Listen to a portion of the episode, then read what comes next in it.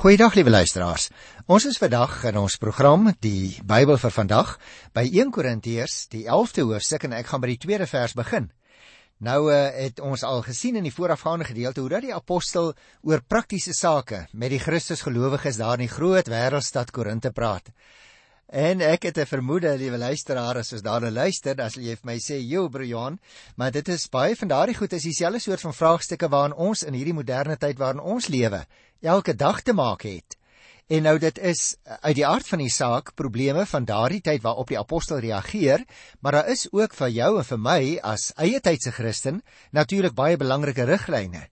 Nou een van die sake waaroor hy nou spesifiek handel en waaroor ons vandag so 'n bietjie gaan gesels, is die optrede van die Christene en by name in hierdie geval die vroue in die gemeente en ook soms in die erediens.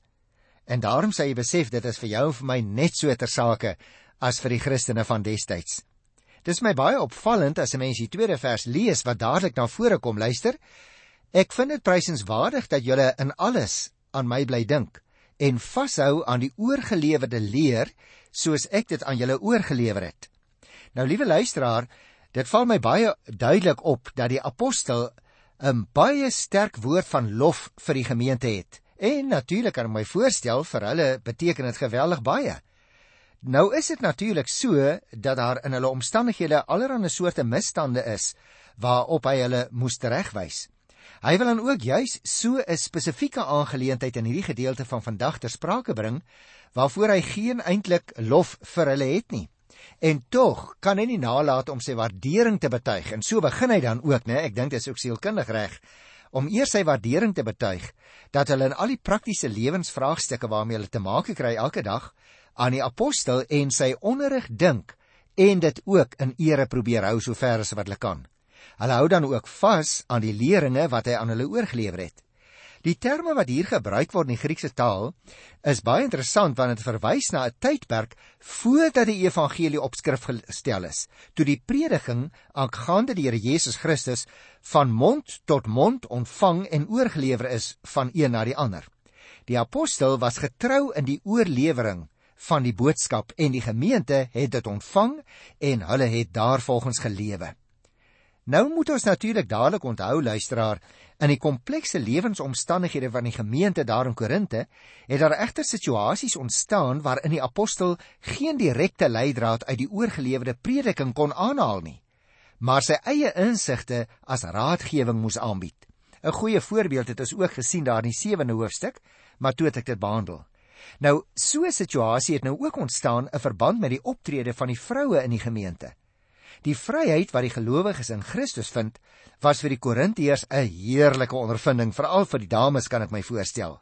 Maar hulle is onmiddellik in allerlei omstandighede geplaas waar hulle self moes besluit hoe om die vryheid in Christus aan te wend in die praktyk elke dag. En tot hiertoe in apostel Paulus se brief het hy daaromtrent voorligting gegee en ook daarop aangedring dat die vryheid in bepaalde situasies nie gebruik moes word nie sodat alles tot eer van God kan geskied. Vir die vroue in die gemeente het die vryheid in Christus die begin beteken van 'n hele sosiale emansipasie, soos dit in daardie tyd eintlik ongekend was. Vir jou vir my is dit natuurlik iets bekends. Voor Christus moet ons onthou en as 'n mens byvoorbeeld in Galasiërs 3 vers 28 gaan lees, dan sal jy dit ook sien dat hulle voor Christus gelyk was met die mans alreeds. En hulle wil dan ook nou weer weet dat hulle gelyk op met die mans 'n aandeel mag neem in die aktiwiteite van die gemeente. En daaruit ontstaan nou seker skielik baie wrywing tussen die mans en die vrouens. Die vraag is nou, watter raad het Paulus vir die dames in so 'n situasie? En ek dink beide die mans en die vrouens wat dan ook na ons program luister vandag, moet ons ore almal spits om baie mooi te hoor wat die apostel hier sê. Daarom gaan ek nou vers 3 tot 5 lees hier in 1 Korinte 11 en dan gesels ons so 'n bietjie met mekaar in groter detail daaroor. Ek wil hê so sê hy, julle moet weet dat Christus die hoof is van elke man en 'n man is die hoof van sy vrou en God die hoof van Christus. Elke man wat bid of profeteer met iets op sy kop, doen sy hoof Christus oneer aan. Maar Elke vrou wat bid of probeer sonder iets op haar kop, doen haar hoof haar man oneer aan, want dan is sy net soos 'n vrou wie se hare afgeskeer is. Nou kom ons gesels so 'n bietjie hieroor, want dit is belangrik. Jy sien liewe luisteraar, in elke samelewingsstruktuur, soos byvoorbeeld ook 'n sakeonderneming of 'n regeringsinstelling of selfs die klein eenheid van die gesin, moet daar natuurlik 'n bepaalde orde struktuur ter wille van die goeie funksionering wees. Waar daar egter geen orde in 'n situasie is nie, kan dinge natuurlik nie glad en volgens plan verloop nie. Nou het die liewe Here dit ook so bestem om chaos te voorkom, ook onder die Christene. Jy en ek moet ook baie goed verstaan dat ordelikheid nie net 'n onderdanige gesindheid beteken waar 'n mens jou soos 'n verslaane wese onderwerp as dit ware en jouself in jouself terugtrek of aan die ander kant weer net lusteloos en apaties wees nie. Met ander woorde, jy reageer nie eintlik nie. Dit beteken ook baie beslis nie dat 'n mens minderwaardig moet wees nie of jy nou 'n man of 'n vrou is nie. God het ons almal immers na sy beeld geskape en daarom is ons gelyke mense voor God. Nee, liewe luisteraar, onderdanigheid beteken dat twee mense of groepe saamwerk met dieselfde doel voor oë. Dit sou natuurlik die kerk baie skade doen as die indruk na buite gewek is dat die Christen vroue nie hulle mans se gesag oor hulle sou erken nie.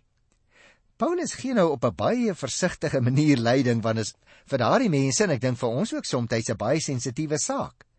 God het nie die man geskep om beter as die vrou te wees nie.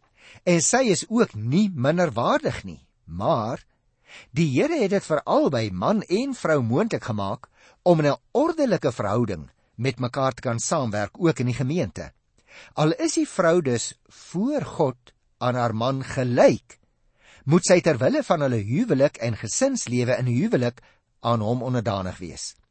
Waar gelyk is, dus aan mekaar onderdanig is, is hulle dit uit vrye wil en nie omdat ons daartoe gedwing word nie. Ons dien die Here in hierdie verhoudings. Ons doen dit deur uit vrye wil ook onderdanig te wees aan ander mense in die gemeente. Ook in ons huwelike. Ook in die regeringsbedelings wat oor jou en my gestel is in 'n land. Ek merk dus 'n baie interessante ding hierop, naamlik die woord wat hier gebruik word vir hoof. Die man is die hoof van die vrou word deur Paulus herhaling die sleutelwoord lyk dit vir my in die uiteensetting. Daarom is die betekenis van hierdie woord van soveel belang. In die oordragtelike sin, die luisteraar, beteken dit dat die hoof die draer is van gesag, die meerdere waaraan die mindere onderworpe is. Wanneer God die hoof van Christus genoem word in hierdie gedeelte, het dit egter nie betrekking op 'n wesensverskil nie.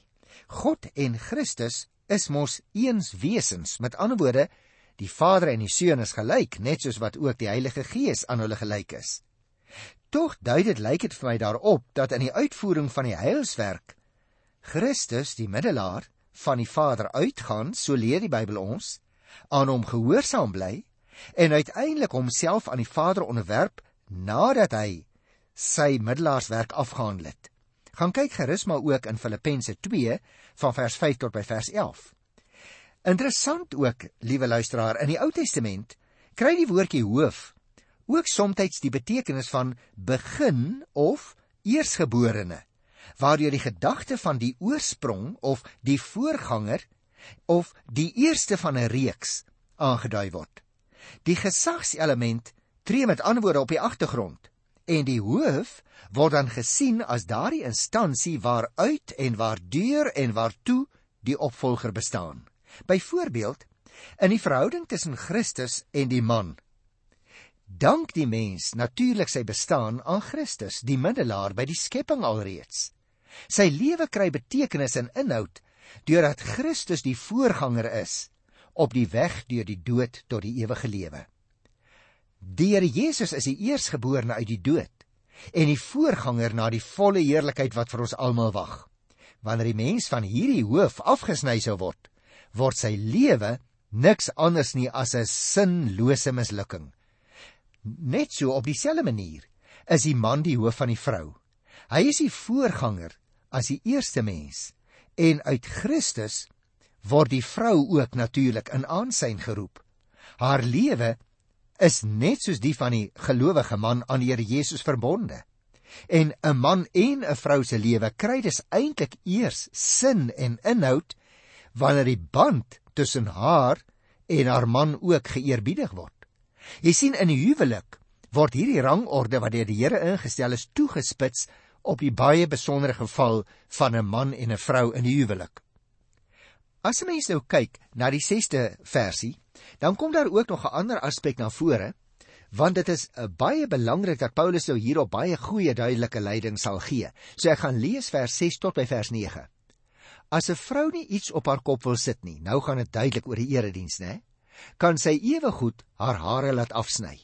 Maar aangesien dit 'n skande is vir 'n vrou om haar hare te laat afsny of afskeer, moet sy iets op haar kop sit.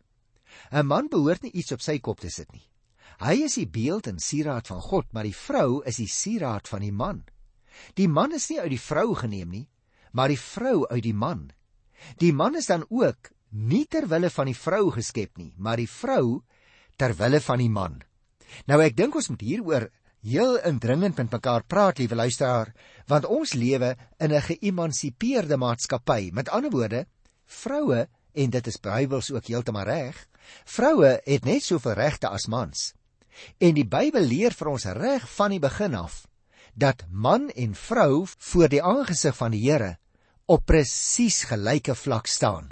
Daarom moet jy gerus weer 'n slaggie gaan blaai in Genesis 1 en 2, dan sal jy sien daar dat hulle nie een ondergeskik is wat hulle posisie voor die Here betref aan die ander nie. En hierdie rangorde wat Paulus nou ook hier in vers 6 tot by vers 9 so bietjie vir ons verduidelik, is in die gemeente deur die vroue verontagsaam deurdat hulle net soos die mans in die gemeente opgetree het sonder 'n hoofbedekking. Nou hierdie dinge moet ons natuurlik ook in die lig sien van 'n bepaalde kultuurhistoriese situasie om dus aan te toon dat so 'n optrede in daardie situasie van Korinte destyds nie reg is nie. Wys die apostel die gemeente daarop dat hulle dit glad nie sou goed vind dat 'n man homself soos 'n vrou met 'n sluier sou bedek nie. Maar inkonsekwent genoeg vind hulle nie fout as 'n vrou soos 'n man in die openbaar optree sonder hoofbedekking nie en hulle vergeet dat dit vir die vrou 'n oneer is. Dit is dus baie duidelik dat ons hier met 'n bepaalde kultuurhistoriese situasie te maak het in die Bybel. Die vrou is immers dan gelyk aan vroue wat hulle hare afsny. Iets wat die ontugtige vroue in daardie tyd gedoen het. En ek dink ons vergeet dit baie kere as ons die Nuwe Testament lees in hierdie verband. Jy sien liewe luisteraar, ek het al van tevore vir jou gesê, die groot wêreldstad Korinthe het eintlik twee hawens gehad. Aan die een kant Kengree en aan die ander kant was die hawe Legaion. En daarom het Noord en Wes en Oos en Suid mekaar daar ontmoet by daardie hawe stede. En soos dit dikwels in 'n hawe stad die geval is, was daar ook vrouens wat as prostituie opgetree het. Hulle gewoonte was dan om hulle hare te skeer want dan is hulle maklik uitgeken ook deur die matrose wat uit verre lande daar aandoen en dadelik geweet het watter vroue hulle liggame verkoop. En daarom was juis die Christusgelowige vrouens baie gesteld daarop dat as 'n mens in die erediens inkom, dan moet jy jou hoof bedek.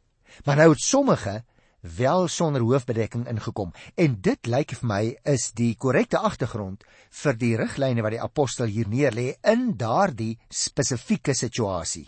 Die gewone gebruik dus wat in swang was, naamlik dat die vrou anders as die man in die openbaar verskyn wat haar klere drag na voorkoms betref, moet hulle tog oortuig dat hulle nie reg handel nie en dat hulle die rangorde veronagsaam. Daarom dat hy hierdie raadgewing vir hulle gee. Om dus in daardie tyd met 'n onbedekte hoof in die openbaar te verskyn, was tipies van die onsedelike vroue van Korinte. Paulus wou nou dus nie hê dat die Christelike vroue met onbedekte hoof moes rondgaan nie, want dan sou hulle hulle mans oneer aandoen as ander mans na hulle vrouens kyk met die gedagte hierdie vrouens is moontlik ook prostituie. Daarom voer die apostel 'n baie gewigtiger argument aan as die wat op die gewoontes van die Grieke gebaseer is, naamlik die feit dat die man geskep is as die beeld van God. Andersom gesê, man en vrou is deur God geskep, maar die man direk en die vrou uit die man. So haal hy dan ook aan uit Genesis 1 vers 27. Jy sien, die man het dus 'n skakel geword in die rangorde en sy plek is tussen Christus en die vrou. So het hulle dit verstaan. Man en vrou vertoon albei die heerlikheid van God, maar op grond van die skepping is daar wel 'n bepaalde onderskeid. Die man, geskep as die beeld van God, vertoon die heerlikheid van God, sê Paulus nou alweer aan. Die vrou, ook natuurlik geskep deur God, maar uit die man geneem, vertoon dus die heerlikheid van die man. Dit is die argument wat die apostel hier voer. Die man besit dus voorrang op grond van die orde in die skepping en op grond van die doel waarom die vrou geskaap is, naamlik ter wille van die man. So sê Genesis 2 vers 18 ook. Vanweë die voorrang moet die vrou dus 'n ander plek inneem as die man en staan sy wat die maatskappy daar buite betref nie op gelyke vlak as die man nie maar wat haar posisie voor Christus betref is hulle presies op dieselfde vlak voor die Here en in die oë van die Here en dit wat die apostel sê moet hulle baie duidelik verstaan maar hulle vrymaking as vroue in Christus Daarvoor is dieselfde prys betaal. Kom ons lees eens so 'n bietjie verder hier by vers 10 tot by vers 12. Daarom behoort die vrou 'n teken van die man se gesag oor haar kop te hê, ter wille van die engele. Tog het die Here bepaal dat die vrou nie sonder die man sal bestaan nie en die man nie sonder die vrou nie, want soos die vrou uit die man geneem is, so kom die man deur die vrou in die wêreld. Maar alles is uit God. Interessant dat die apostel ook hierdie argument voer. Ek sou sê in gewone terme kom dit min of meer hierop neer. Deur na Adam en Eva te verwys, wou die apostel Paulus baie duidelik aantoon dat die Here sekere gesagstrukture daar gestel het sodat daar orde in die wêreld kan wees.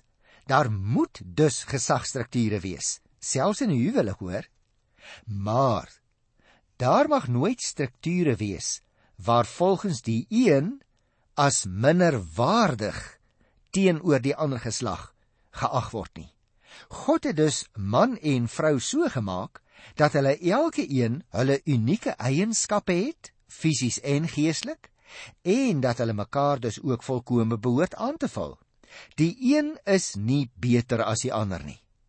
Daarom, liewe luisteraar, mag ons nooit toelaat dat die kwessie van onderdanigheid 'n probleem in die huwelik word en selfs soms 'n wig tussen man en vrou indryf nie. Ons mag dit nie toelaat nie want hulle posisie voor die Here is dieselfde.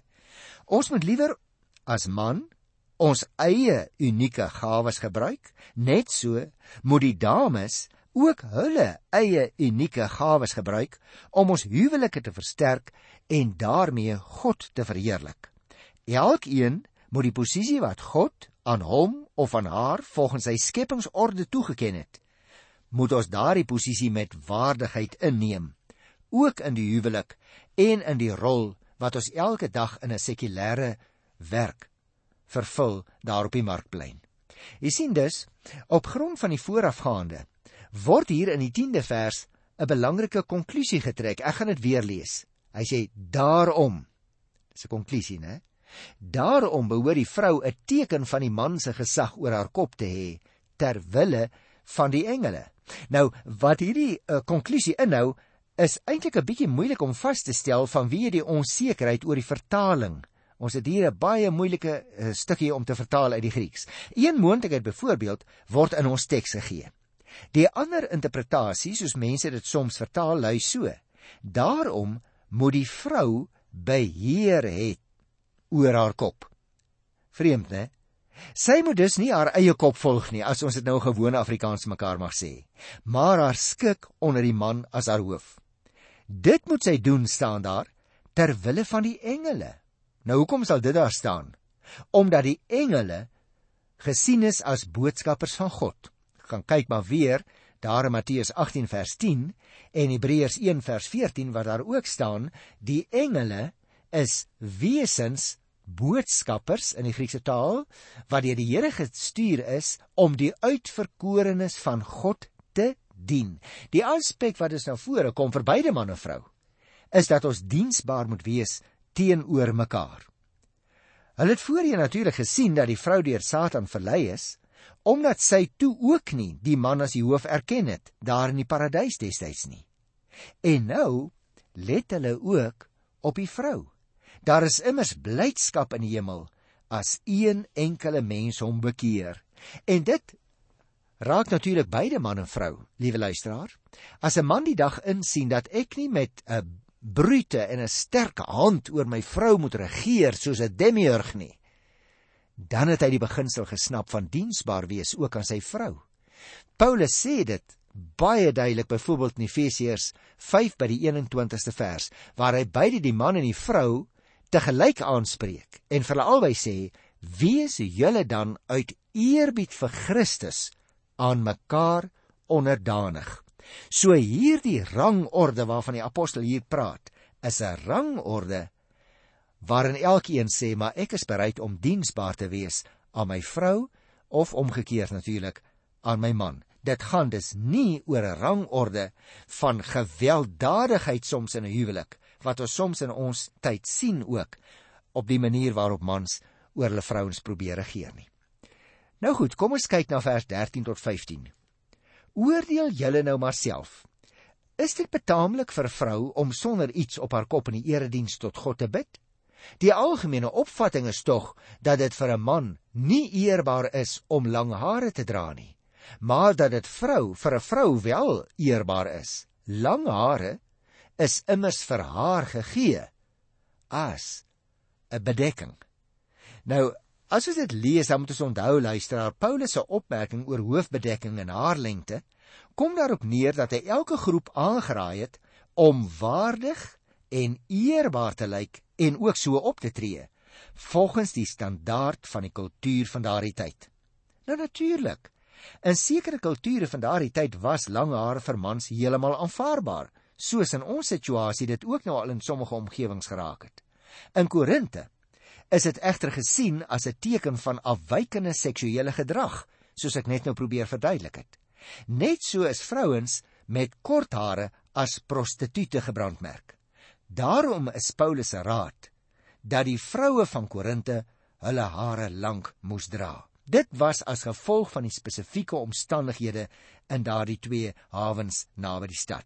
Die blote feit dat vroue met kort hare onaanvaarbaar was vir die samelewing, sou dit immers vir 'n gelowige vrou met kort hare baie moeilik maak om 'n effektiewe getuie vir Christus te wees.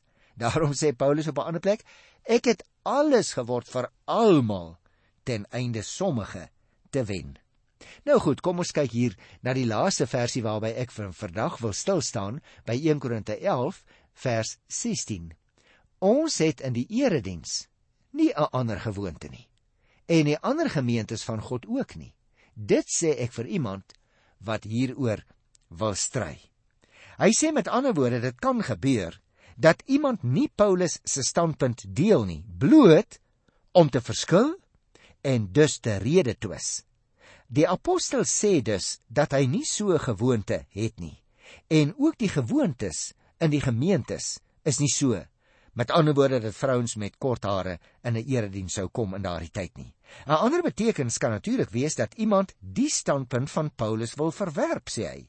Met so 'n houding kan Paulus nie saamstem nie en ook nie die gemeentes nie, want dit, sê hy, sou in stryd wees met God se skepingsordonnansie. Liewe luisteraar, ons het dus hier 'n baie interessante en 'n baie belangrike voorbeeld van hoe dat kultuur soms die gebruike in die kerk ook kan beïnvloed. Dit beteken dus as ons in 'n bepaalde kultuur, jy en ek, wat Afrikaans praat in hoofsaak, wat in 'n bepaalde styl ook kerk hou op 'n bepaalde manier, as ons in 'n ander kultuur sou kom waar die kultuur aannames anders is as die by ons, dan moet ons versigtig dat ons nie oneerbiedig optree in die oë van die Christene wat in daardie ander kultuur behoort nie. Want ons kultuur en ons gebruike is nie noodwendig die enigste nie.